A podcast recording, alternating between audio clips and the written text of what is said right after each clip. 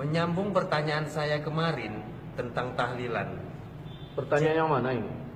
Yang tentang tahlil. Ah, Jadi kesimpulan dalam tahlilan tersebut bid'ah atau sunnah. Jangan ke sana kalau kita mau ngomong. Bid'ah atau sunnah seolah-olah cuma pilihan itu dua kalau nggak sunnah bid'ah, nggak sunnah bid'ah. Hukum itu ada berapa? Hukum ada berapa saya tanya? Sunnah itu apa? Sunnah itu Sunnah itu ma'udhifa ilan nabi Sesuatu yang disandarkan kepada na, nabi ya. Perkataan, perbuatan nabi Jadi jangan selama-lamanya Kalau memang itu sunnah kapan nabi bikin Tapi kita sudah sepakat dalil kita ini satu Quran Yang kedua hadis Hadis itu apa? Ya sunnah Apa itu? Ma'udhifa ilan nabi Sesuatu yang disandarkan kepada rasul ada perkataan Nabi, ada perbuatan Nabi. Nabi nggak bikin, tapi Nabi katakan, yaitu disebut sunnah. Nah, sekarang saya tanya, Nabi sholat wajib nggak? Sholat lima waktu nggak? Salat Sunnah nggak? Hukumnya pak? wajib. Wajib. Nabi sholat tahajud nggak? Salat Sunnah nggak? sunnah Hukumnya pak? sunnah Nabi makan minum nggak? makan minum Nah, sunnah nggak itu? sunnah Hukumnya apa? sunnah Mubah. mubah Nah. Nabi istrinya berapa? Kata Allah berapa bolehnya? empat Nabi istrinya berapa? empat Ini ini nanya yang nggak jelas. Nabi istrinya berapa? Lebih nggak dari empat? lebih Nah, sunnah nggak? sunnah Hukumnya kalau kita macam mana? Maka ditanya itu hukumnya. Hukumnya bagaimana? Kita udah bagi kemarin antara kenduri sudah kita bahas dengan apa namanya berdoa membaca Quran. Hukumnya itu apa? Allah menyuruh membaca Quran, umum kalimatnya. Yasin Quran nggak? Quran. Ketika Allah menyuruh kita membaca Quran, berarti kan sudah disuruh kita baca Quran. Ya. Waktunya ada nggak dari Allah dan tempatnya? Udah kita bahas itu. Jadi jangan berulang-ulang. Hukumnya Nah, Allah udah suruh, udah suruh kita baca Quran. Nah, di dalam tahlil itu kan baca Yasin. Quran nggak Yasin itu? Quran Quran. Oke. Kemudian ada nggak waktu dari Allah untuk membacanya? Berarti kan kita yang memanage-nya. Waktunya. Nah, udah, terus kita baca, udah kita bahas dalam beberapa apa namanya acara kita. Udah kita bahas. Nah, jangan itu pertanyaan diulang-ulang lagi. Udah jelas itu. Nah, kembalikan kepada hukumnya. Wajib nggak tahlil? Kalau wajib berarti yang nggak tahlil dosa. Haram nggak tahlil? Kalau haram berarti yang tahlil do dosa.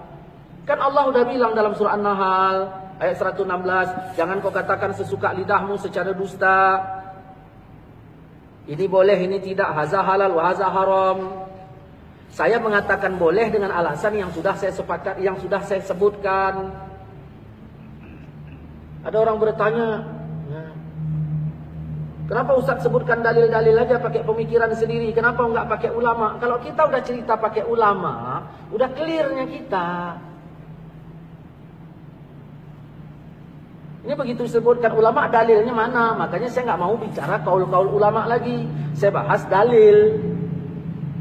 Makanya didengarkan, disimak baik-baik itu.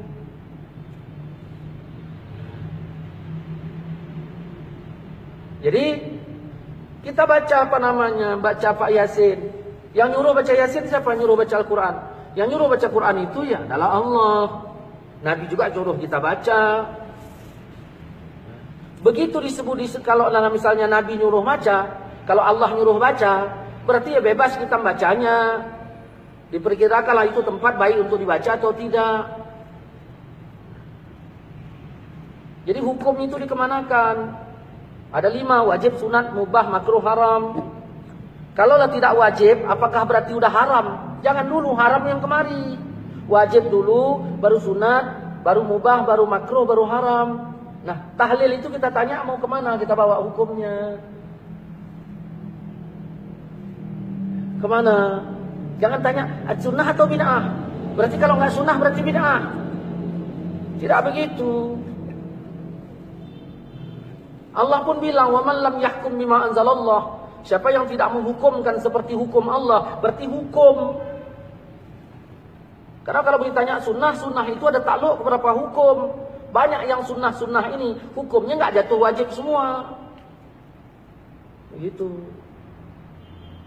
Ketika Allah menyuruh, tidaklah langsung jadi wajib. Ada kalanya Allah menyuruh itu langsung kepada sunat. Seperti waminan laili. Di sebagian malam, fatahajat, hendaklah kalian tahajud. Tahajud, perintah itu kan? Perintah, hukumnya apa? Apa wajib? Begitu. Saya maaf ya, bahasa kasarnya nih. Jangan bikin pertanyaan tolol kayak gitu.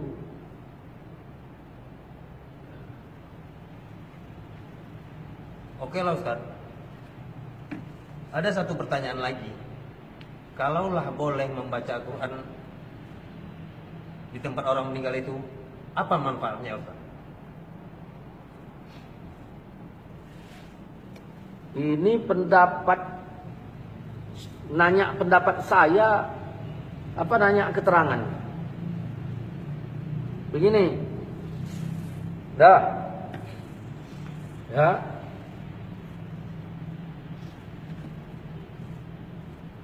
Namamu siapa? Adi. Adi. Dah. Orang tua Adi meninggal. Oke. Dah meninggal kan? Ya. Sekarang si Adi yang tinggal di rumah itu sebagai anak almarhum. Pikirannya macam mana? Kacau apa tidak? Kacau. Kecuali anak durhaka baru senang. Oke. Begitu kacau kira-kira iman Adi naik apa turun? Turun. Turun. Apa yang disuruh agama terhadap saya sebagai jirannya si Adi? Mendoakan. Hah? Menghiburnya, menghibur si Adi. Tujuannya untuk apa? Tujuan hibur itu. Ya, tujuannya hibur-hibur gitu aja pakai keyboard gitu. Ya. Iman tadi naik apa turun? Turun. Tujuannya itu dihibur untuk apa? Supaya terhibur dan sekali apa imannya naik. Ya, tujuannya itu supaya imannya na, Naik. naik. Apa kata Allah dalam Quran? Quran sebagian dal- dalil apa enggak? Dalil. Wa iza tuliyat alaihim ayatuhu zadathum imana. Kalau dibacakan Quran imannya nam, Nambah. nambah. Kau beriman enggak? Beriman kan? Begitu dibacakan Quran imanmu nam, Nambah. kalau enggak nambah berarti enggak beriman kok. Enggak. Itu manfaat untuk keluarga yang ditinggalkan. Nah, timbul pertanyaan, boleh enggak baca Quran di tempat orang Meninggal. meninggal? Itu pertanyaannya. Itu pertanyaan. Nah, jangan kau katakan sesuka lidahmu secara dusta, ini boleh, ini enggak. Ada orang bilang enggak boleh, ya tanyalah alasannya apa. Saya bilang boleh, alasan saya apa? Kan Nabi udah bilang, iza hadartum, kalau kamu hadir ke tempat orang sakit atau mayit, ke tempat orang meninggal, ucapkan perkataan yang baik. Siapa yang bilang tuh? Hadirlah saya ke tempat si Adi. Orang tua Adi mening, meninggal. Al- Rasul nyuruh apa? Ucapkan perkataan yang bah, yang baik. Dah. Dah, datanglah saya. Assalamualaikum di. Waalaikumsalam. Kenapa ya ayah orang tua kita ini meninggal segala macam. Baik enggak? Ngomong saya itu baik enggak? Baik. Kata Nabi, sebaik-baik perkataan adalah kur. Quran. Berarti membaca Quran macam mana? Lebih baik. lebih baik. Jelas kan? Berarti membaca Quran lebih Baik. lebih baik. Ya. Tapi ini nggak lakukan, nggak lakukan sekarang menyelisih apa enggak? Kalau saya baca Quran di situ, yang saya selisihi ayatkah mana ayatnya? Nabi kah mana hadis yang saya selisihi? Baru dikatakan berselisih apabila ada nabi bilang jangan lalu saya baca. Ah, di situ berselisih namanya. Tapi bacanya rame-rame. Apa?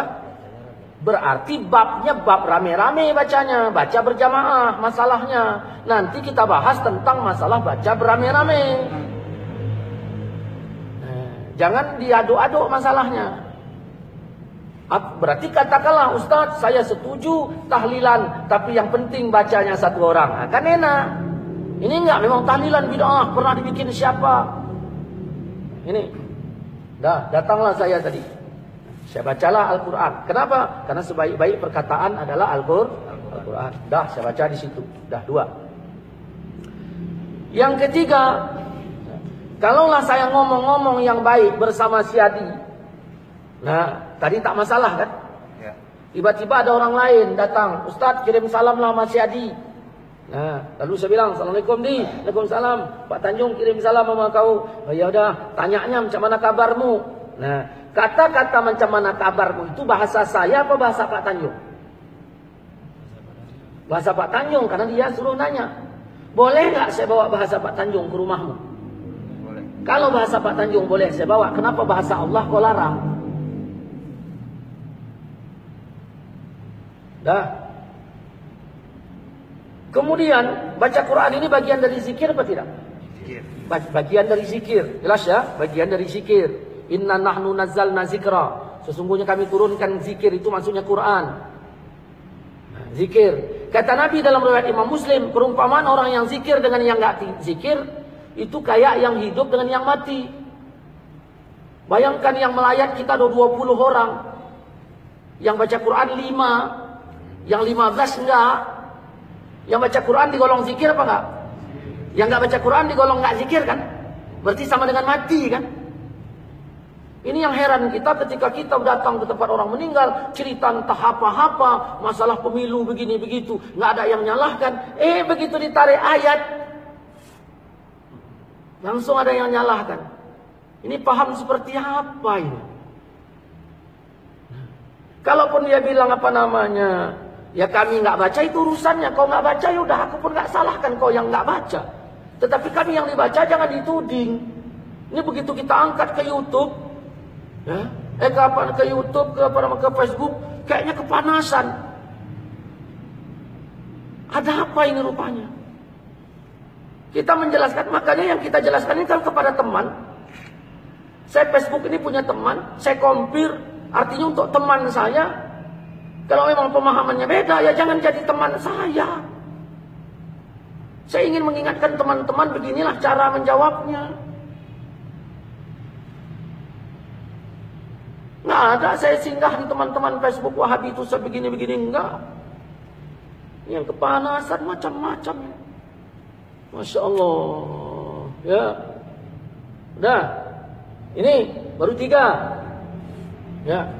Kemudian dia berbicara manfaat kan? Ya. Berbicara manfaat. Baiklah, Ustaz. Jadi tunggu dulu belum selesai. Jangan main baik-baik. Ada orang nelpon saya. Assalamualaikum Ustaz. Waalaikumsalam. Ya. Nah. Si Polan meninggal. Siapa? Ayah si Adi. Saya bilang apa? Innalillah.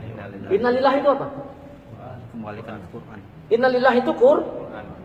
Kalau pertama kematian saja kita dikembalikan kepada Quran, kenapa dilarang membaca Quran di waktu yang lain?